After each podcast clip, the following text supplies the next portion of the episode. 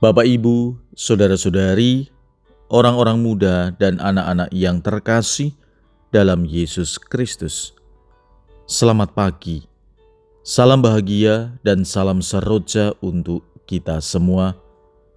Berkah dalam. Bersama dengan saya, Romo Antonius Garbito Pambuaji, menyampaikan salam dan berkat Allah yang Maha Kuasa dalam nama Bapa dan Putra dan Roh Kudus. Amin. Hari ini Selasa 23 Juni dalam pekan biasa ke-12. Bacaan pertama dalam liturgi hari ini diambil dari kitab kedua Raja-Raja bab 19 ayat 9 sampai dengan 11, ayat 14 sampai dengan 21, ayat 31 sampai dengan 35a dan ayat 36. Bacaan Injil diambil dari Injil Matius bab 7 ayat 6, dilanjutkan ayat 12 sampai dengan 14. Dalam khotbah di bukit, Yesus bersabda, Jangan kamu memberikan barang yang kudus kepada anjing, dan jangan kamu melemparkan mutiaramu kepada babi, supaya jangan diinjak-injak dengan kakinya, lalu ia berbalik mengoyak kamu. Segala sesuatu yang kamu kehendaki supaya orang perbuat kepadamu, perbuatlah demikian juga kepada mereka. Itulah isi seluruh hukum Taurat dan kitab para nabi. Masuklah melalui pintu yang sempit, karena lebarlah pintu dan luaslah jalan yang menuju kepada kebinasaan.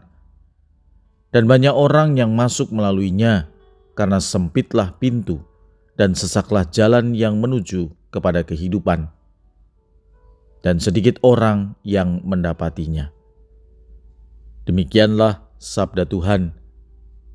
Terpujilah Kristus. Saudara-saudariku yang terkasih dalam Yesus Kristus, ada dua hal yang diajarkan oleh Yesus berdasarkan inspirasi dari Injil hari ini. Pertama, Yesus ingin menyampaikan pedoman hidup praktis yang bisa dihayati oleh siapa saja guna memperoleh kebahagiaan sejati. Dikatakan oleh Yesus, segala sesuatu yang kamu kehendaki supaya orang perbuat kepadamu, perbuatlah demikian juga kepada mereka. Dengan kata lain, Yesus ingin mengatakan, jangan lakukan pada orang lain apa yang Anda tidak suka orang lain perbuat terhadap dirimu. Apakah itu celaan, hinaan, atau bahkan fitnah? Kedua, hidup adalah sebuah pilihan. Pilihan itu akan menentukan masa depan seseorang. Ada pilihan yang sulit dan ada pilihan yang gampang. Yesus dalam Injil hari ini menegaskan bahwa pilihan yang gampang akan membawa orang kepada kebinasaan. Tetapi Sebaliknya, pilihan-pilihan yang sulit seperti memikul salib atau menyangkal diri akan membawa orang kepada kebahagiaan sejati. Saudara-saudari yang terkasih, sabda Tuhan pada hari ini membangkitkan semangat hidup sebagai pengikut Kristus.